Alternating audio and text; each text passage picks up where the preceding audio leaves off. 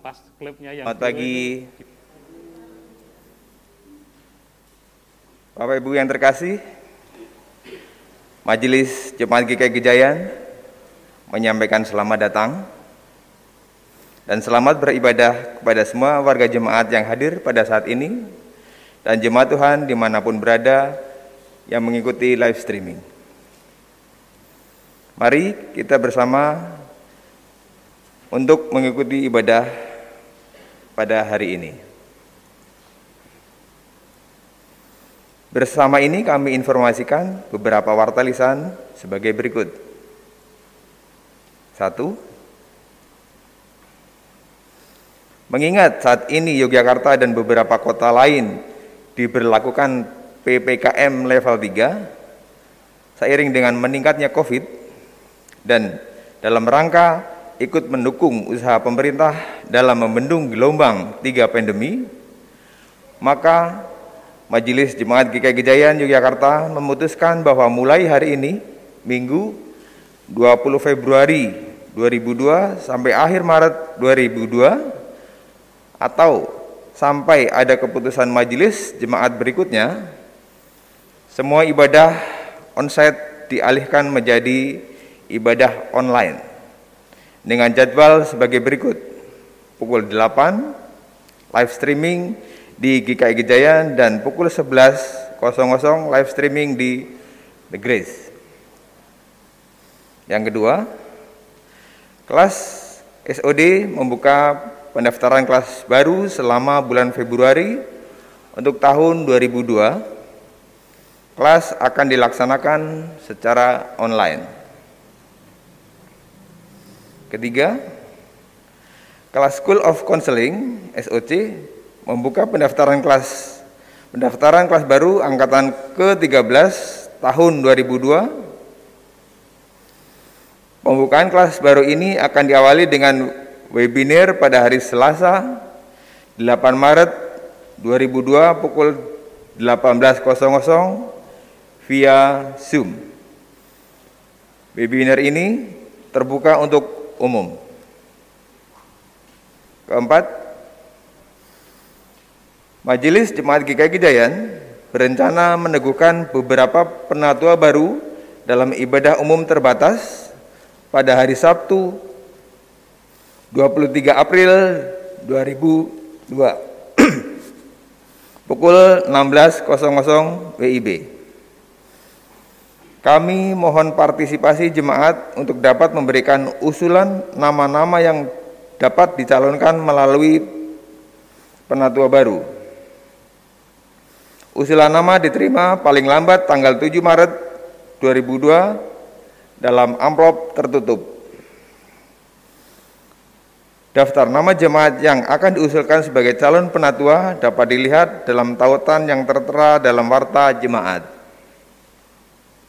5. Tim Diakonika Diakonia Transformatif melalui Depot Tetulung mengajak Bapak Ibu Saudara untuk berbagi kasih dengan sahabat tetulung melalui depot tetulung dengan cara menjadi donatur untuk aksi diakonia dalam bentuk dana, natura atau sembako ataupun pakaian bekas pakai. Donasi bisa disampaikan melalui kantor, pondok tetulung ataupun transfer. 6. Jemaat dapat melihat warta jemaat dan katalog tetulung secara lengkap dengan melihat akun link media sosial GKI Gejayan.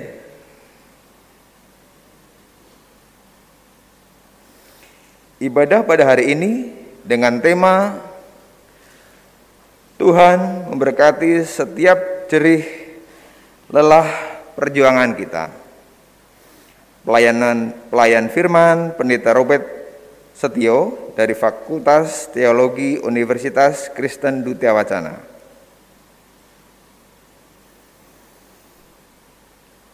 Sebelum masuk saat ibadah, mari kita saksikan video publikasi dari bidang 5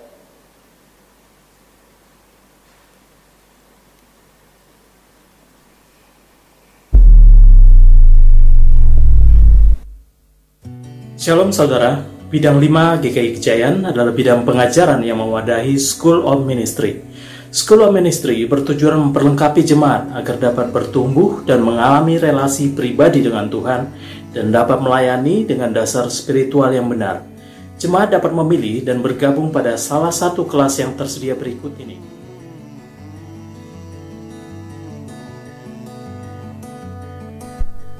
School of Discipleship atau SOD adalah kelas pengajaran berkurikulum yang bertujuan memuridkan jemaat dengan pengetahuan dasar teologi dan biblika, sehingga jemaat bertumbuh dan memiliki hidup yang berpusat kepada Kristus. Program SOD dikemas dalam bentuk kelompok besar serta diskusi dalam kelompok kecil untuk menghayati topik bahasan dan mengaplikasikannya dalam kehidupan. Mari bergabung dengan SOD. GKI Gejayan juga memiliki kelas pengajaran School of Counseling atau SOC. SOC sendiri memiliki komitmen bahwa keterbukaan dan penerimaan adalah kunci awal pemulihan. Bagi peserta yang sudah bergabung akan belajar di dalam tiga level. Mari Bergabung bersama School of Counseling Angkatan ke-13. Kelas akan dimulai pada tanggal 8 Maret 2022 pukul 18. Untuk info dan pendaftaran lebih lanjut silakan menghubungi Intan di nomor 0878 8146 7850. Terima kasih, Tuhan Yesus memberkati. Kompak adalah komunitas pembinaan ajaran dan karakter yang berkurikulum dengan menggunakan buku Cambium di mana ada tiga level tentang dasar-dasar iman Kristen, yaitu berakar dalam Kristus, bertumbuh dalam Kristus, dan berbuah dalam Kristus. Setiap materi dibagi dalam dua bagian, yaitu pengajaran bersama dalam kelompok besar dan kelompok kecil untuk membahas topik pengajaran lebih dalam, berbagi hidup, dan saling menguatkan. School of Prayer atau SOP adalah kelas pengajaran GKI Gejayan yang menitik beratkan pada pengembangan doa. Doa dipahami sebagai proses komunikasi dengan Allah yang intens dengan cara-cara yang lebih luas, beragam, dan mendalam. Seringkali kita sulit untuk menyatakan atau mewartakan pada sesama betapa besar kasih Tuhan bagi kita. Rasanya sayang jika kasih Tuhan itu tidak dirasakan saudara kita. Cute Ministry menjawab semuanya. Cute hadir sebagai komunitas anak-anak Bapa yang bertumbuh dan berdampak bagi sesama. Mari saudara bergabung bersama kami dalam Cute Ministry. Sampai jumpa.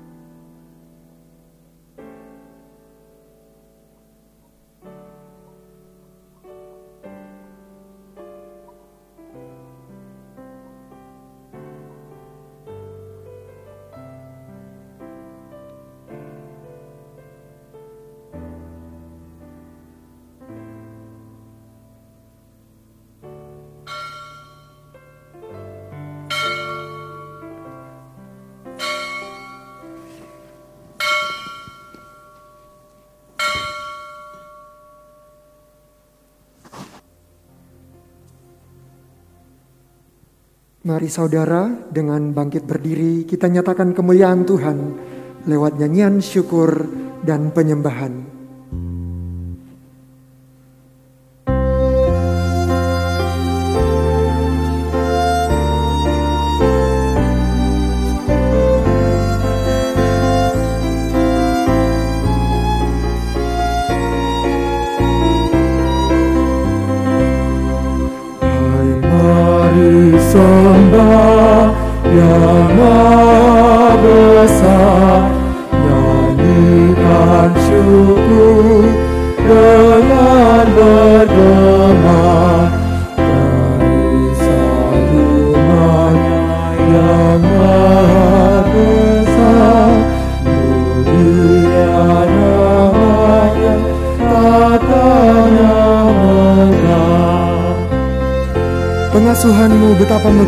Udara dan terang menyatakannya. Kita nyanyikan baiknya yang keempat.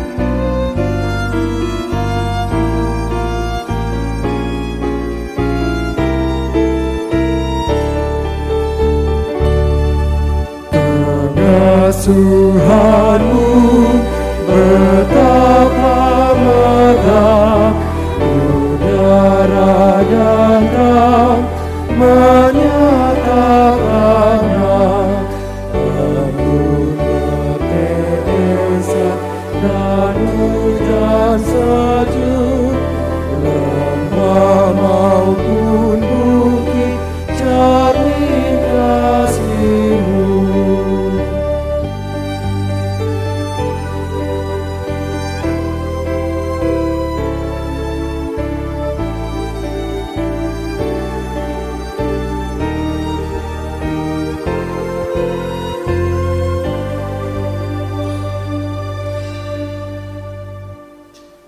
Mari bersama-sama kita memulai ibadah ini dengan pengakuan pertolongan kita adalah di dalam nama Tuhan yang menjadikan langit dan bumi, yang kasih setianya tetap untuk selama-lamanya, dan yang memelihara umat manusia di tengah pergumulan dan goncangan kehidupan.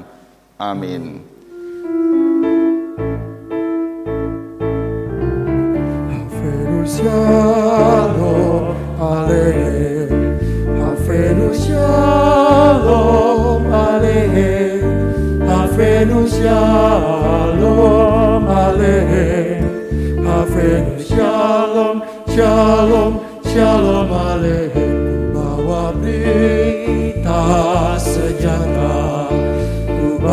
Berita sejahtera.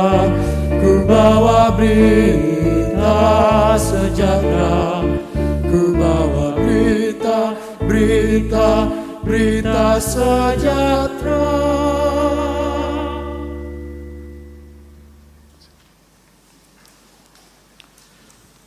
Untuk Bapak Ibu jemaat yang mengikuti kebaktian ini melalui Zoom atau YouTube diberi kesempatan untuk menyampaikan pokok doa untuk nantinya didoakan dalam doa syafaat. Untuk itu silahkan mengisi di kolom chat pokok-pokok doa yang ingin nanti didoakan dalam doa syafaat. Saya berikan kesempatan untuk itu.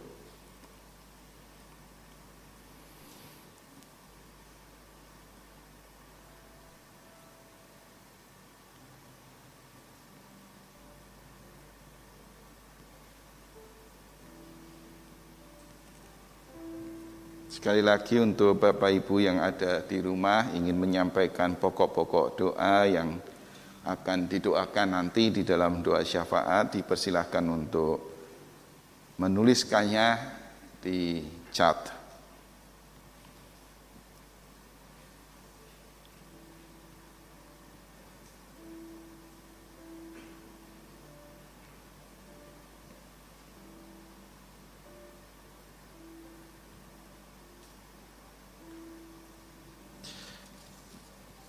Bapak Ibu Saudara yang dikasih oleh Tuhan, kita sekalian menyadari bahwa di dalam kehidupan ini, di tengah gelombang kehidupan apalagi di masa pandemi ini sering kali apa yang kita katakan dan lakukan itu di luar kontrol kita.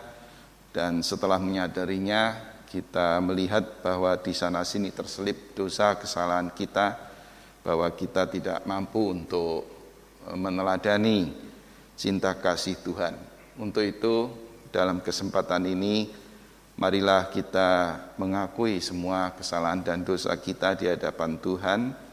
Secara pribadi, kita mengungkapkannya, dan nanti secara bersama-sama saya akan memimpin doa pengakuan dosa ini. Marilah kita masuk di dalam saat hening untuk mengaku segala salah dan dosa kita.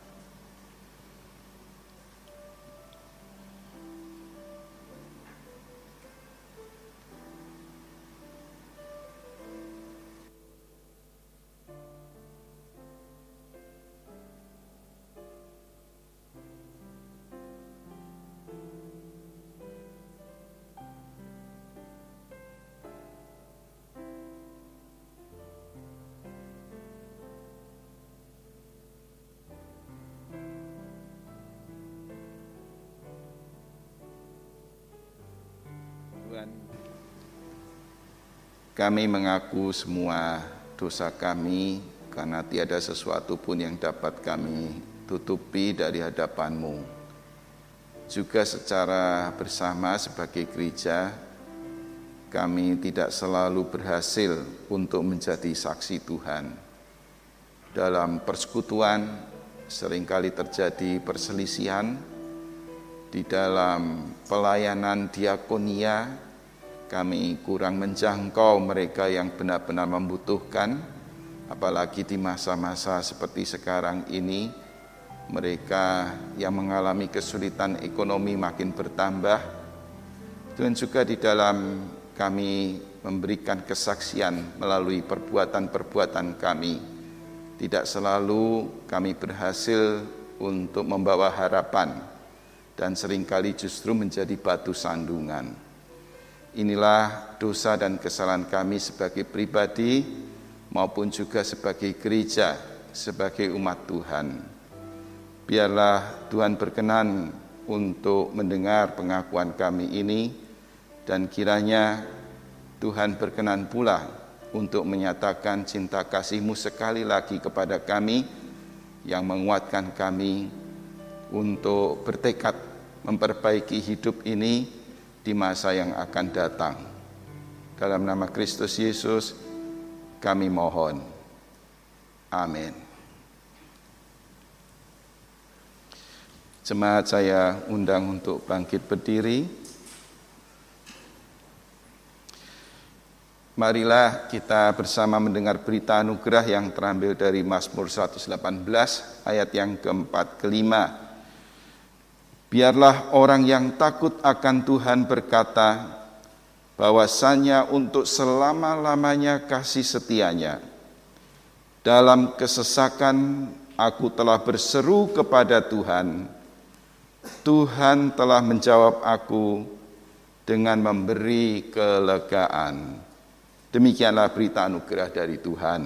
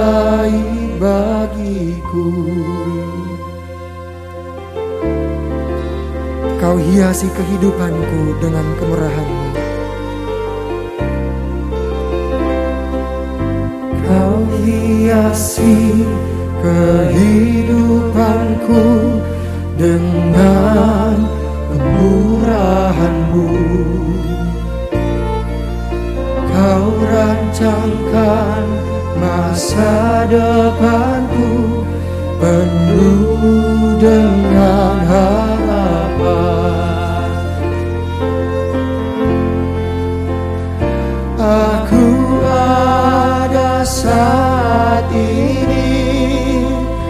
Semuanya karena kasihmu. Aku hidup hari ini. Semua berkat kemurahanmu. Terima kasih Yesus sangat baik Teramat baik. Aku ada saat ini. Semuanya karena kasihmu. Aku hidup hari ini. Semua berkat kemurahanmu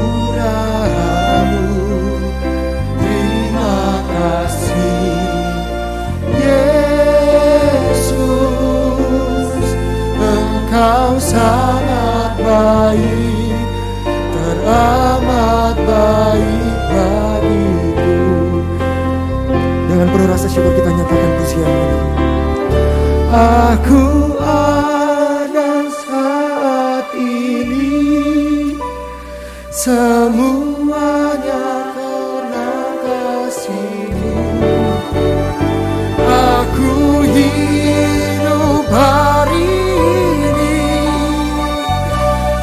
Semua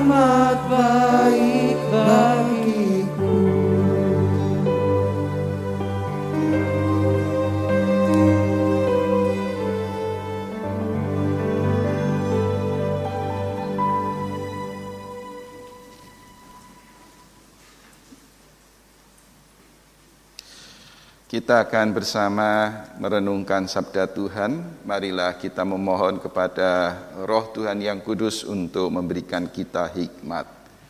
Mari kita bersama berdoa.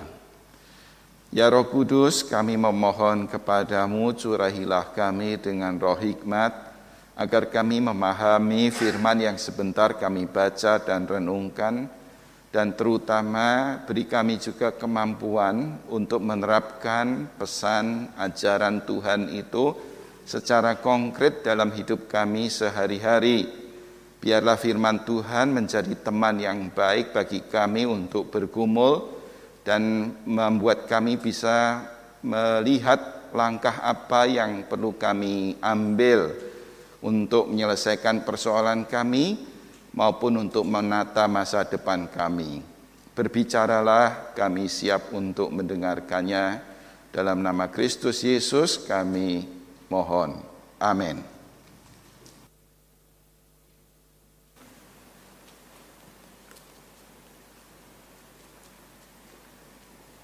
Kitab Yeremia pasal 17 ayat 5 sampai dengan ayat 10. Kitab Yeremia pasal 17 ayat 5 sampai dengan ayat 10. Beginilah firman Tuhan. Terkutuklah orang yang mengandalkan manusia, yang mengandalkan kekuatannya sendiri dan yang hatinya menjauh daripada Tuhan. Ia akan seperti semak bulus di padang belantara ia tidak akan mengalami datangnya keadaan baik. Ia akan tinggal di tanah angus di padang gurun, di negeri padang asin yang tidak berpenduduk. Diberkatilah orang yang mengandalkan Tuhan, yang menaruh harapannya pada Tuhan.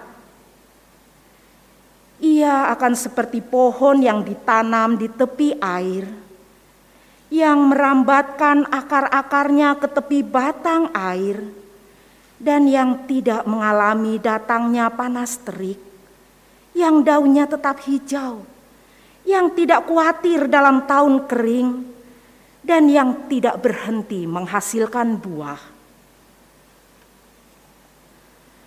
Betapa liciknya hati, lebih licik daripada segala sesuatu.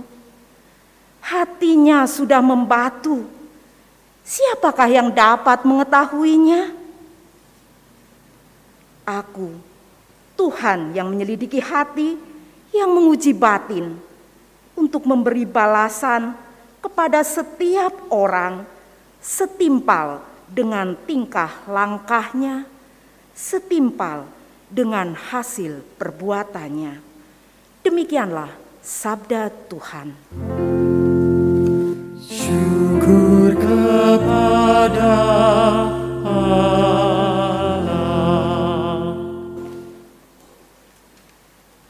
Mazmur 1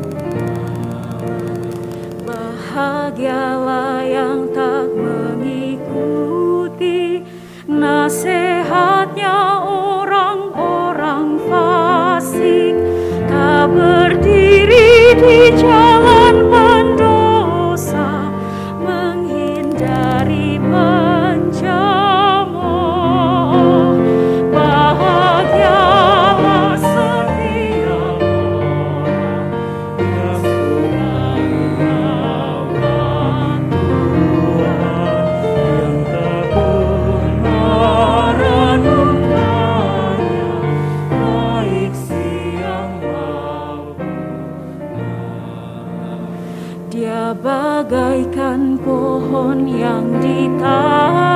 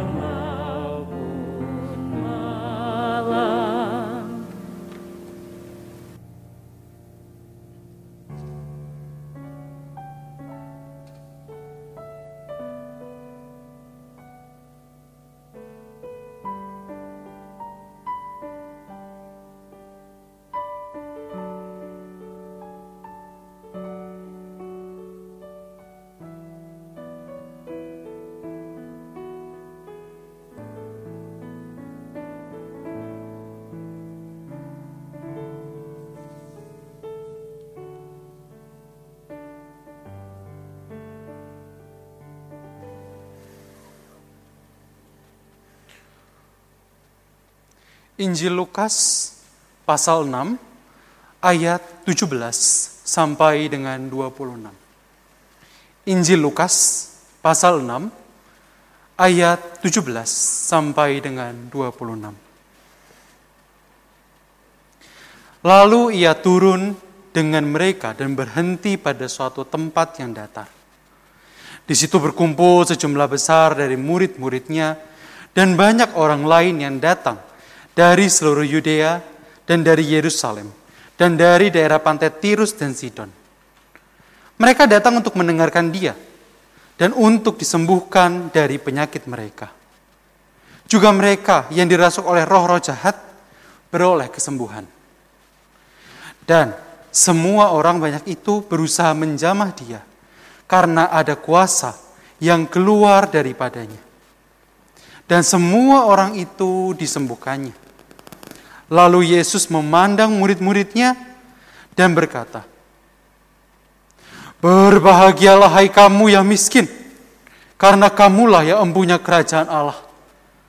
Berbahagialah kamu yang sekarang ini lapar, karena kamu akan dipuaskan. Berbahagialah hai kamu yang sekarang ini menangis, karena kamu akan tertawa. Berbahagialah kamu jika karena anak manusia orang membenci kamu. Dan jika mereka mengucilkan kamu dan mencela kamu serta menolak namamu sebagai sesuatu yang jahat. Bersukacitalah pada waktu itu dan bergembiralah. Sebab sesungguhnya upahmu besar di surga. Karena secara demikian juga nenek moyang mereka telah memperlakukan para nabi. Tetapi, celakalah kamu, hai kamu yang kaya, karena dalam kekayaanmu kamu telah memperoleh penghiburanmu. Celakalah kamu yang sekarang ini kenyang, karena kamu akan lapar. Celakalah kamu yang sekarang ini tertawa, karena ka, karena kamu akan berduka cita dan menangis. Celakalah kamu jika semua orang memuji kamu, karena secara demikian juga nenek moyang mereka telah memperlakukan nabi-nabi palsu. Demikianlah Injil Yesus Kristus. Berbahagialah saudara yang menerima berita Injil, menyimpan dalam hati, dan menerapkannya dalam hidup sehari-hari. Haleluya.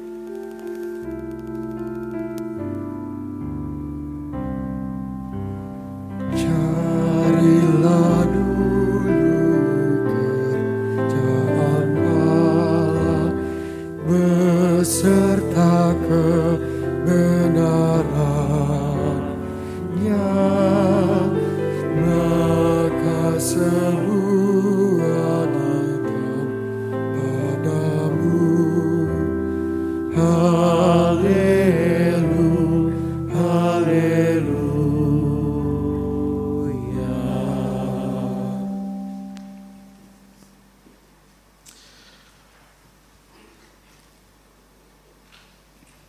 renungan kita, Tuhan memberkati setiap jerih lelah perjuangan kita.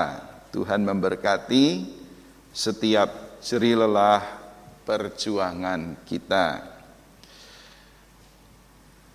Kontroversi terjadi ketika kita belum melihat ujung dari lorong gelap kalau boleh diumpamakan begitu pandemi ini. Jadi orang ada yang mengatakan kita tidak mungkin membuat rencana jikalau situasi seperti ini dan nampaknya sampai kapan pun kita tidak bisa berharap seperti dulu ketika segala sesuatu dimulai dengan perencanaan. Kalau organisasi mulai dengan visi, misi, sampai dengan tujuan, sasaran, segala macam. Tidak mungkin oleh karena keadaan berubah-ubah.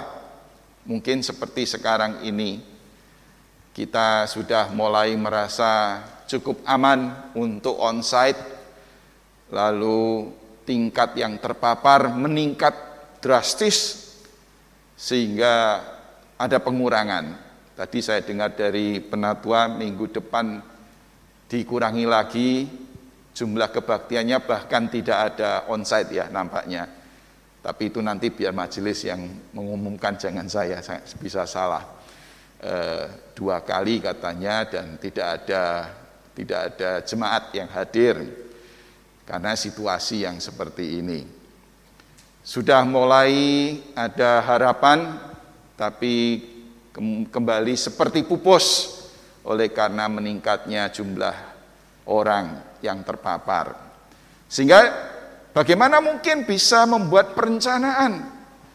Kalau toh kita membuat perencanaan, bubar, harus diperbaiki. Daripada sibuk terus memikirkan rencana dan akhirnya bubar, lebih baik kita jalani saja kehidupan ini, ikuti saja apa yang terjadi. Kalau toh membuat rencana jangan panjang-panjang, pendek-pendek saja. Tetapi ada juga yang berpendapat sebaliknya. Tidak, menurut yang punya pendapat kedua ini, kita tetap harus punya rencana, bahkan harus menetapkan visi kita. Perubahan-perubahan ini adalah sesuatu yang jangan membuat kita itu terhanyut, terombang-ambing. Kita harus punya kepastian tentang masa depan. Itu pilihan kita. Di antara ini ada juga yang mengatakan terombang-ambingnya keadaan ini kan kayaknya ada yang membuat. Terus mulai masuk teori konspirasi. Jumlah yang mendadak banyak, pengumuman-pengumuman yang dibuat itu itu jelas sekali merugikan masyarakat, tapi menguntungkan pihak-pihak tertentu. Itu konspirasi, bahkan disebut jahat antara entah itu pemerintah, media massa, dengan mungkin saja pabrik obat, pabrik pembuat vaksin, dan seterusnya. Nah, ini benar-benar terjadi isu-isu seperti ini kontroversi seperti ini di tengah masyarakat tidak hanya di Indonesia tapi juga di negara-negara maju di Eropa, di Amerika Serikat yang sudah sangat maju kita sering kali menganggap bahwa masyarakatnya sudah sangat berpendidikan masih terjadi kontroversi yang seperti ini dan masing-masing punya argumentasi, punya alasan dan didukung juga oleh data dan seterusnya. Jadi kita berada di tengah situasi yang sangat tidak menentu bukan hanya oleh keadaan tapi juga oleh pikiran kita terhadap keadaan ini. Ter, tentang bagaimana merespon keadaan ini. Berbagai pendapat yang tidak sinkron, tidak sejalan, berkenaan dengan keadaan yang terjadi. Keadaannya tentu saja adanya virus ya COVID SARS, adanya jenis yang baru Omikron dan sebelumnya Delta dan mungkin masih campuran. Tapi respon terhadapnya pun itu tidak kalah hebohnya. Saudara-saudara, bagaimana kita bersikap terhadap yang semacam ini. Bacaan kita tadi itu menarik, Yeremia 17 ayat 5 sampai 10. Nah, omong-omong mungkin belajar sedikit ya tentang perjanjian lama. Kalau kita mendengar tentang bagaimana mengandalkan Tuhan dan jangan mengandalkan manusia lalu diumpamakan yang mengandalkan manusia itu seperti tanaman di padang gurun yang kering, yang tidak bisa bertumbuh dan mungkin juga mati di ayat 6 dari Yeremia 17. Lalu kalau mengandalkan Tuhan itu seperti pohon yang ditanam di tepi air. Akarnya selalu mendapatkan air untuk membuat tanaman ini hidup. Nah, kita ingat perumpamaan seperti ini ada juga di Mazmur 1 kan yang tadi dinyanyikan. Sehingga ini dapat kita segolongkan sebagai hikmat ya kalau di dalam Alkitab itu ada bagian yang disebut dengan hikmat ya kebijaksanaan atau hikmat ya yang selalu bicara tentang bagaimana takut akan Tuhan, hidup bersama dengan Tuhan, dalam kehidupan ini. Dan hikmat selalu menekankan pada belajar bahwa hidup ini belajar.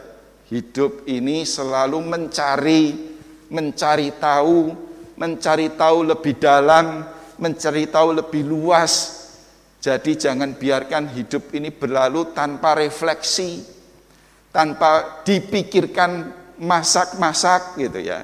Itu hikmat dan memang biasanya dekat dengan pendidikan. Karena pendidikan juga menekankan hal yang sama. Bukan sekedar tahu, memperluas pengetahuan, tapi mencermati, mendalami apa yang sebenarnya terjadi apa yang sebenarnya sedang dihadapi itu hikmat. Tapi juga menarik saudara-saudara kalau kita lihat di ayat-ayat ini, di ayat 5 tadi dimulai dengan terkutuklah. Ya. Lalu kalau di ayat 7 sebaliknya yang mengandalkan Tuhan itu diberkatilah. Nah ini kita ingat eh, misalnya saja di kitab ulangan tentang berkat dan kutuk.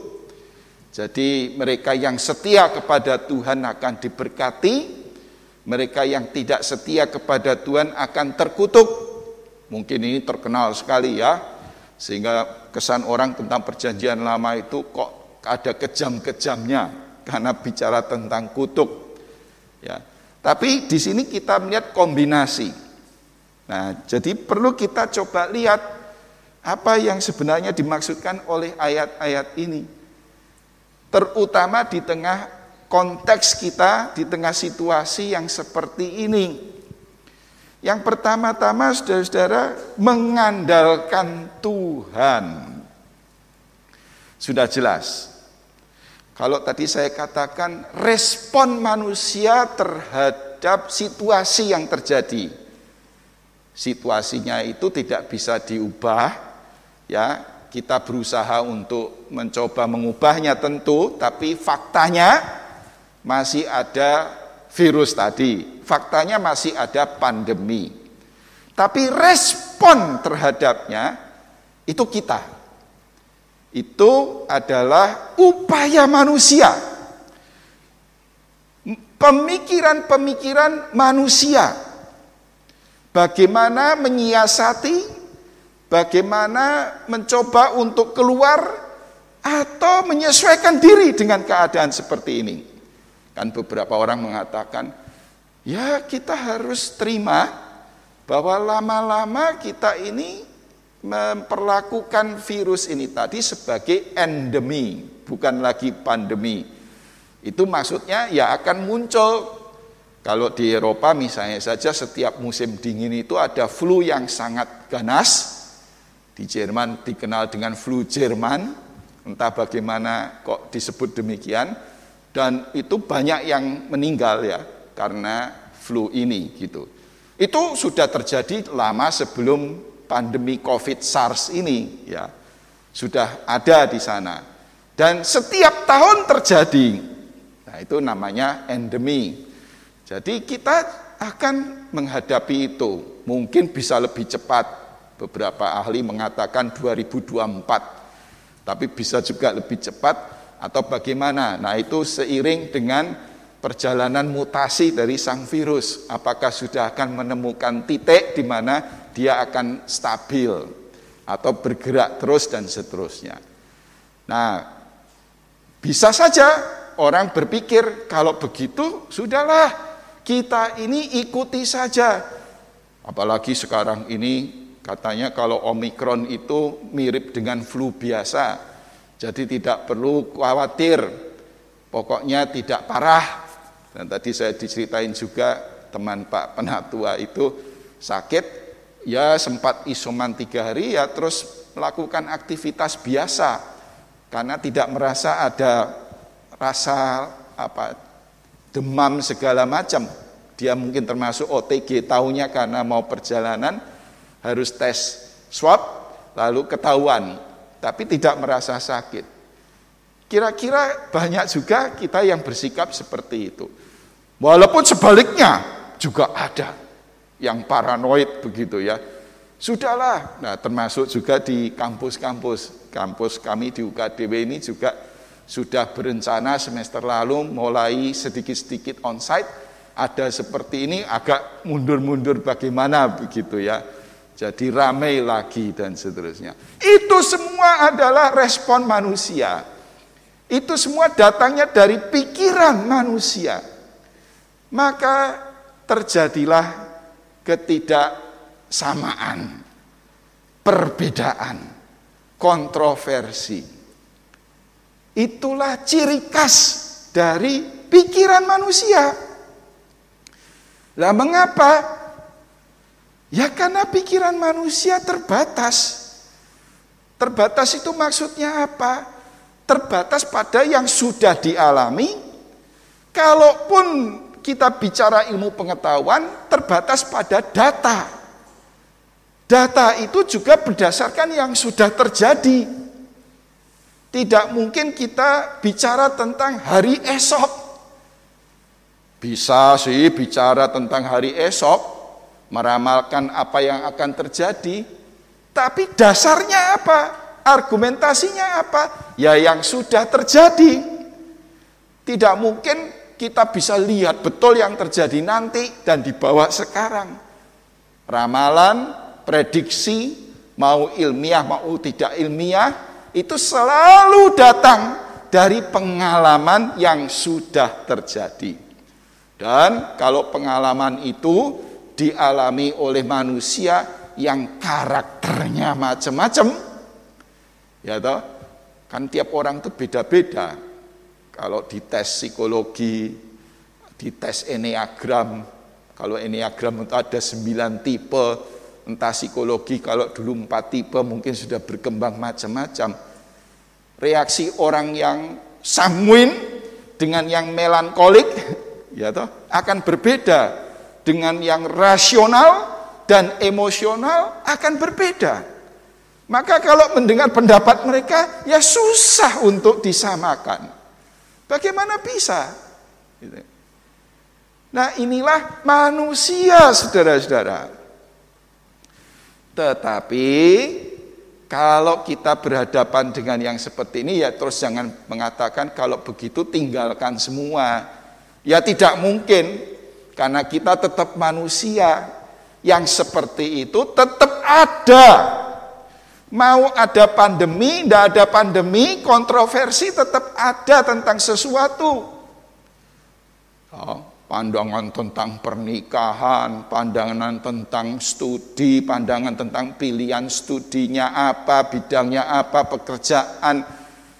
Juga tidak selalu sama dan sering kali kontroversi. Budaya beda-beda, kebiasaan beda-beda. Di tengah itulah kita kemudian mendengar andalkanlah Tuhan. Nah, terus apa maksudnya kalau begitu? Mengandalkan Tuhan. Apakah mengandalkan Tuhan berarti meninggalkan cara berpikir otak manusia? Pasti bukan itu yang dimaksud. Karena ayat-ayat ini juga diberikan kepada manusia.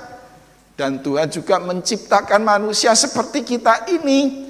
Dengan otak, dengan macam-macam yang kita miliki yang membuat kita berbeda-beda. Kan masih ingat menara Babel, upaya manusia untuk menyamakan seluruh umat manusia, malah Tuhan nggak setuju. Jadi di situ Tuhan memang melihat, menghargai ciptaannya dengan berbagai macam pikiran. Nah, kita ya tidak bisa keluar dari itu. Tuhan sudah menciptakan begitu dan memelihara kita seperti itu.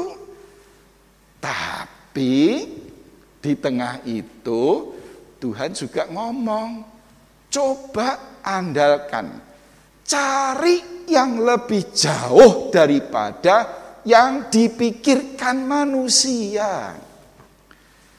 Bukan keluar, tapi ikuti dan memperdalam yang dipikirkan manusia itu untuk bisa sampai kepada Tuhan. Kalau begitu, apa yang perlu dilakukan? Nah, Saudara-saudara untungnya, untungnya kita itu sudah dapat petunjuk lewat Alkitab. Tuhan itu yang seperti apa sih gitu kan? Tadi di bacaan kita Lukas itu kan terkenal dengan ucapan bahagia dan diawali juga dengan orang-orang banyak itu datang kepada Tuhan Yesus karena dua hal mendengar dan disembuhkan. Lalu diikuti dengan ucapan berbahagialah kamu yang miskin, yang menangis dan seterusnya. Intinya apa? Tuhan itu pasti membebaskan manusia dari semua tekanan penderitaan kehidupan. Itu prinsip. Entah itu sakit penyakit, entah itu hal-hal yang membuat kita itu jadi gelisah. Kan tadi ya, Tuhan Yesus khotbah dan menyembuhkan. Ya, juga melakukan banyak hal yang lain untuk mengubah kehidupan yang intinya kalau di zaman itu ada penjajahan, ada konflik antar pemimpin segala macam, rakyatnya itu terombang-ambing, ya mirip-mirip dengan sekarang. Orang tidak tenang. Tuhan Yesus datang untuk menyatakan shalom, menyatakan cinta kasih, ya toh supaya orang itu tidak terhanyut di dalam kekacau balauan. Nah, itu juga selaras dengan penciptaan dari kondisi yang kacau balau menjadi ada teratur. Selalu begitu itu Tuhan. Jadi mengandalkan Tuhan berarti kita coba terus mencari tidak lihat apa yang ada saja ini, apalagi kalau yang ada ini membuat kita terombang-ambing, membuat kita kacau, membuat kita khawatir.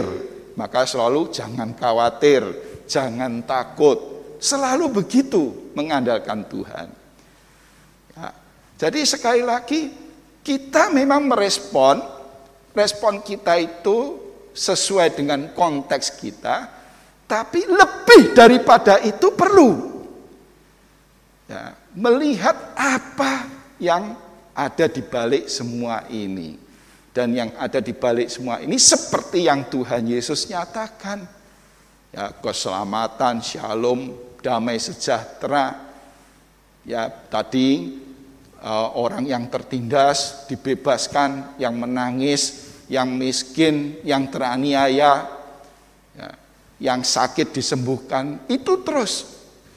Loh Pak, hidup ini kan masih seperti yang tadi, kebalikannya.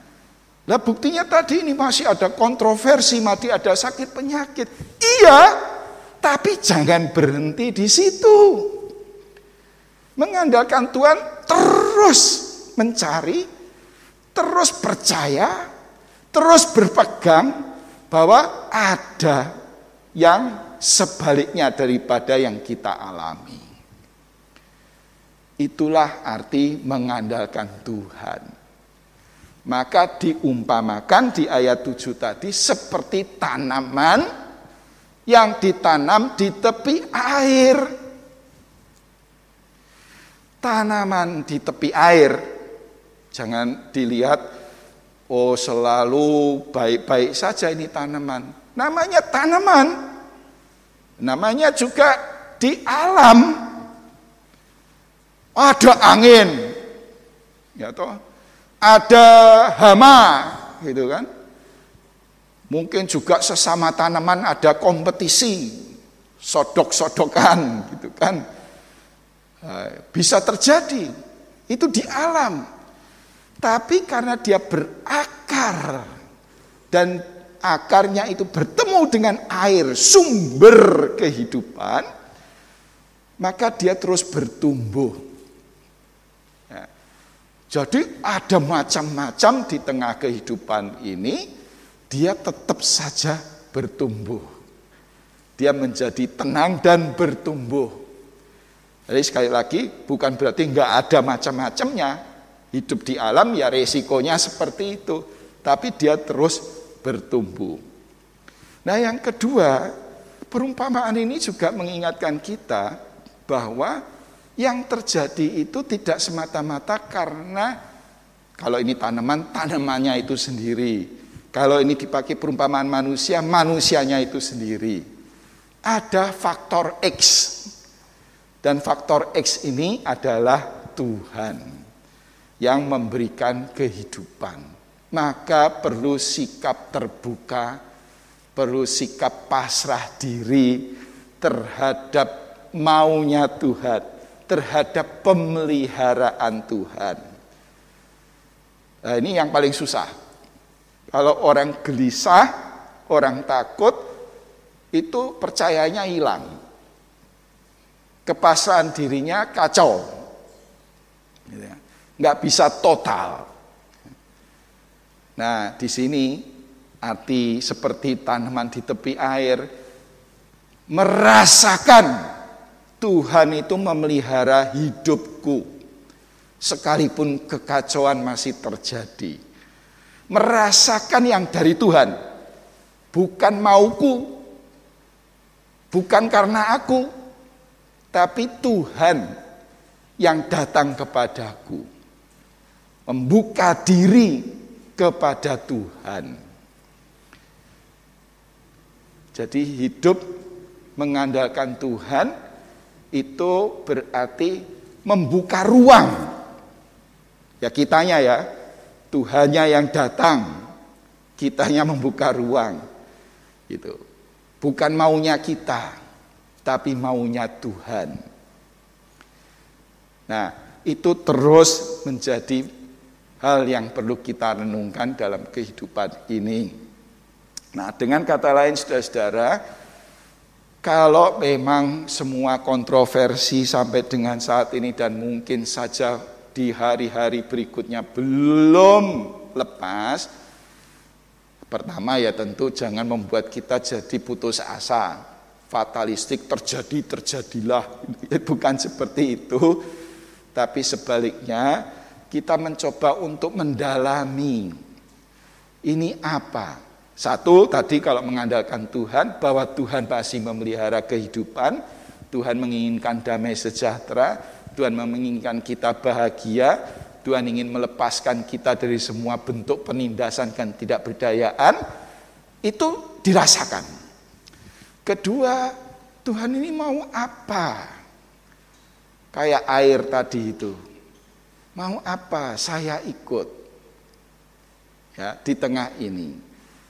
Sehingga pikiran ini tidak dikalutkan dengan macam-macam kontroversi tadi. Boleh loh ya berpikir dengan prediksi segala macam, tapi tidak hanya itu.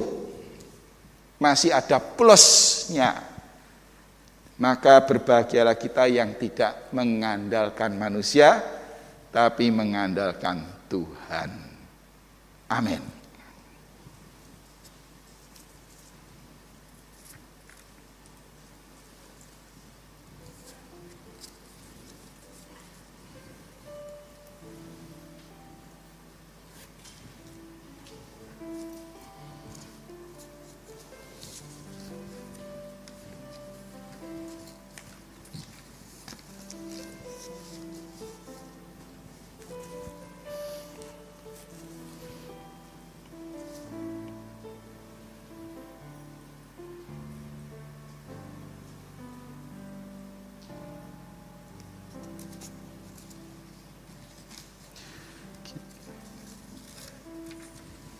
Kita akan menaikkan doa-doa syafaat kita.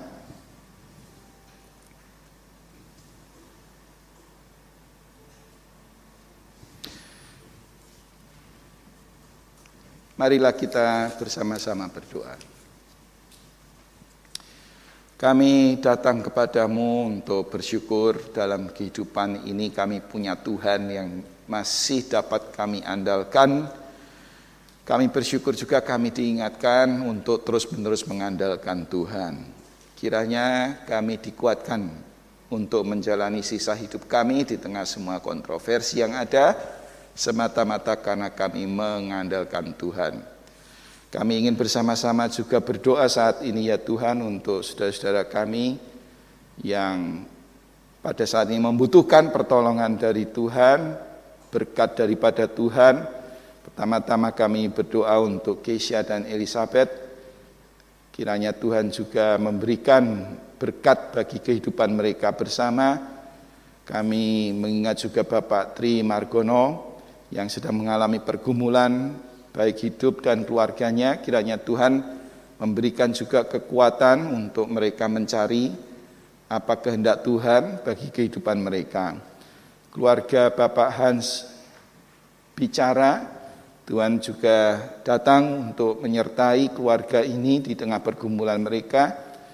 Juga berkat untuk saudara Yesa Rinaldo, saudara Christian Rumi, dan Ibu Nur Hayati Butar-Butar. Kiranya mereka semua mendapatkan senantiasa berkat daripada Tuhan. Khusus untuk mereka yang saat ini sedang sakit ya Tuhan, kami juga berdoa untuk mereka.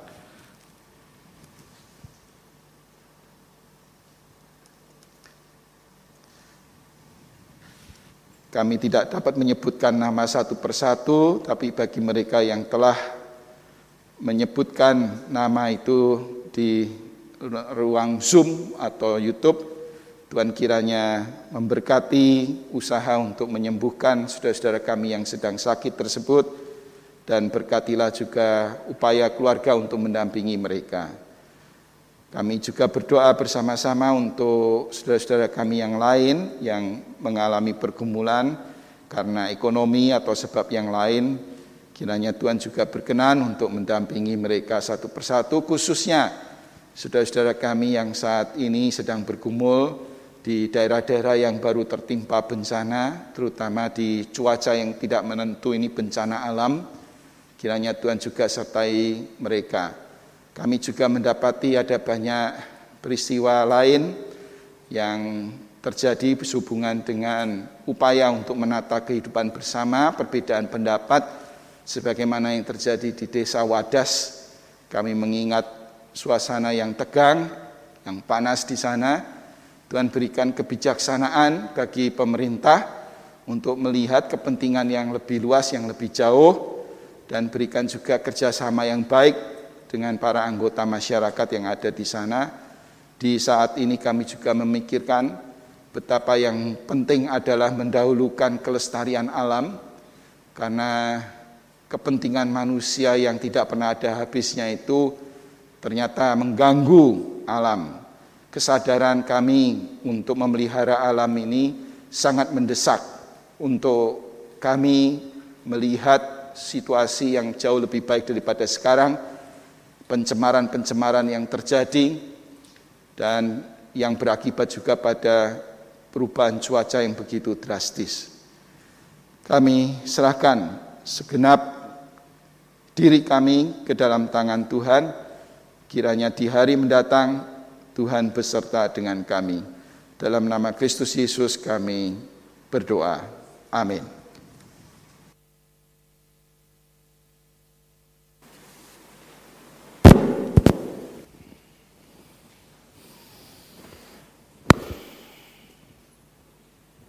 Mari bersama seluruh orang percaya di segala tempat dan di segala abad kita mengikrarkan pengakuan iman kita berdasarkan pengakuan iman rasuli.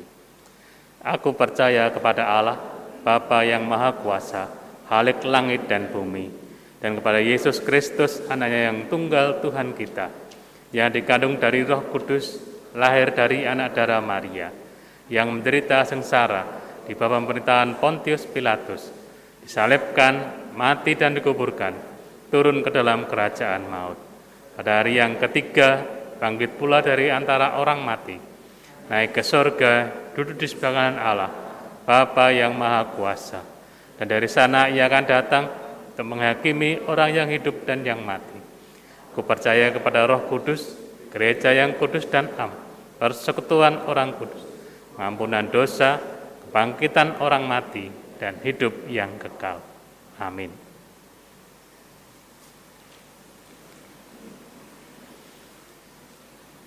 Jemaat yang terkasih, kita akan bersama-sama mengumpulkan persembahan syukur kita. Dalam kesempatan ini kami mempersilahkan jemaat untuk melakukan scan barcode QRIS yang ada di bangku jemaat. Sedangkan persembahan tunai akan dikumpulkan setelah persembahan e, ibadah ini selesai. Kita akan keluar dengan mengumpulkan melalui tempat yang sudah disediakan. Mari kita bersama-sama mendasarkan persembahan kita. Kita membaca dari 1 Tawarikh 16 ayat 29. Mari kita baca bersama-sama. Berilah kepada Tuhan kemuliaan namanya, bawalah persembahan dan masuklah menghadap dia. Sujudlah menyembah kepada Tuhan dengan berhiaskan kekudusan. Selamat membersihkan persembahan yang terbaik bagi Tuhan.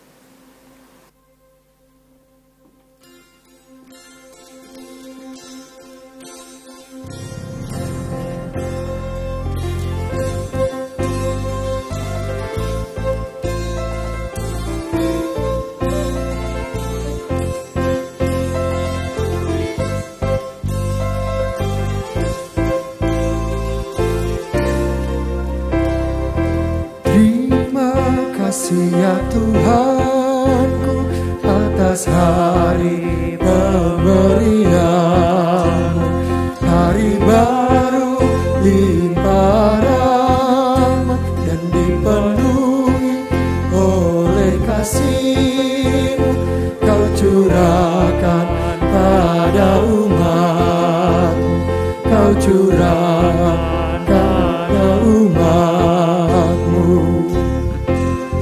Kan ku pakai waktu itu melakukan tanggung jawabku. Kita nyanyikan baiknya yang ketiga.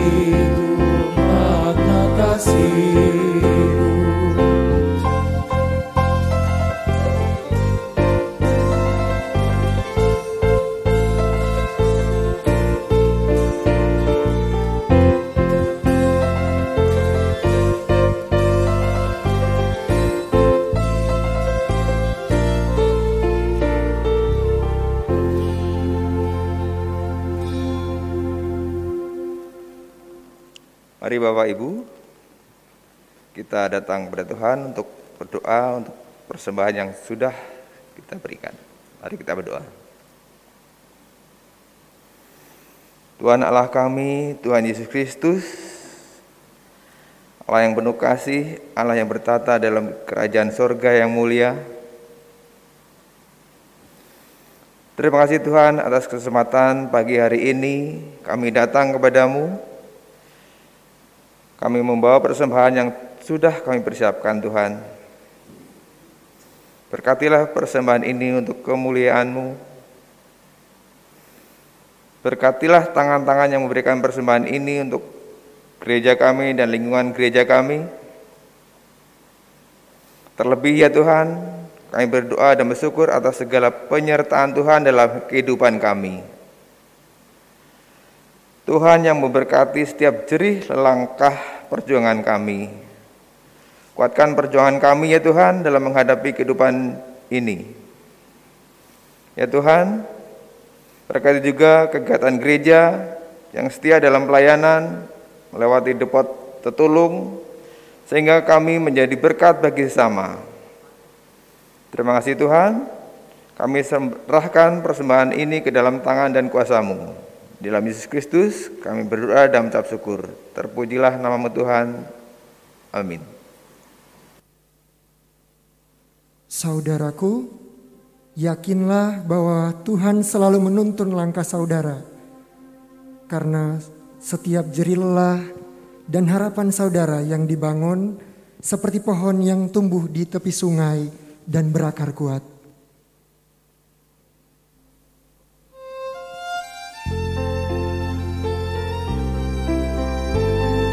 Ku yakin Tuhan tuntun langkahku.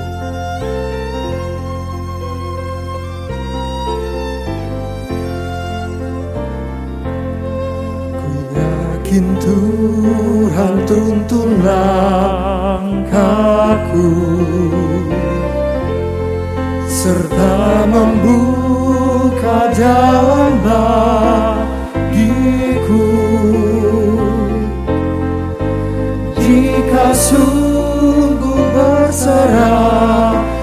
dan berdoa padanya Tuhan membuka jalan bagiku.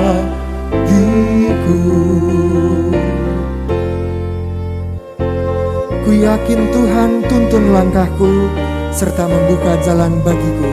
Ku mencari wajahnya maka malam pun cerah. Kita nyanyikan baiknya yang kedua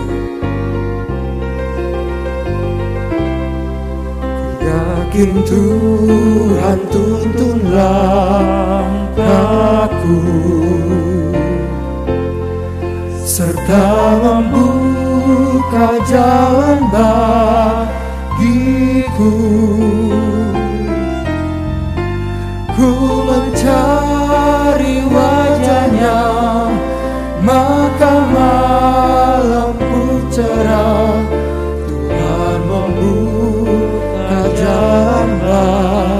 bagiku Ku yakin Tuhan tuntun langkahku serta membuka jalan bagiku. Bagi dia hidupku, kata dan tindakanku. Kita nyanyikan baiknya yang ketiga. Ku yakin Tuhan tuntun langkahku serta membuka jalan bagiku. Bagi dia hidupku kata dan tindakanku Tuhan membuka jalan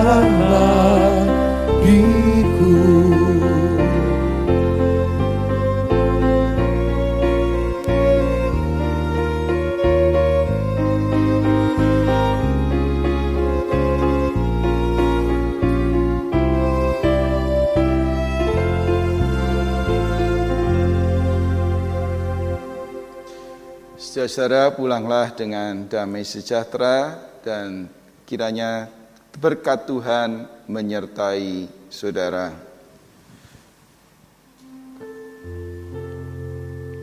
Kasih Tuhan mengiringimu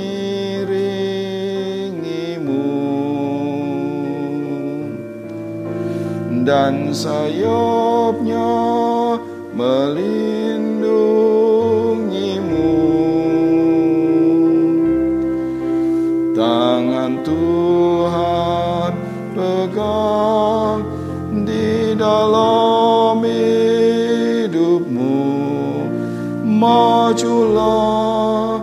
dalam terang kasihnya Kasih Allah Bapa dan Tuhan Yesus Kristus serta penyertaan Roh Tuhan yang kudus ada pada saudara sekalian dari sekarang ini sampai selama-lamanya. Haleluya. Amin.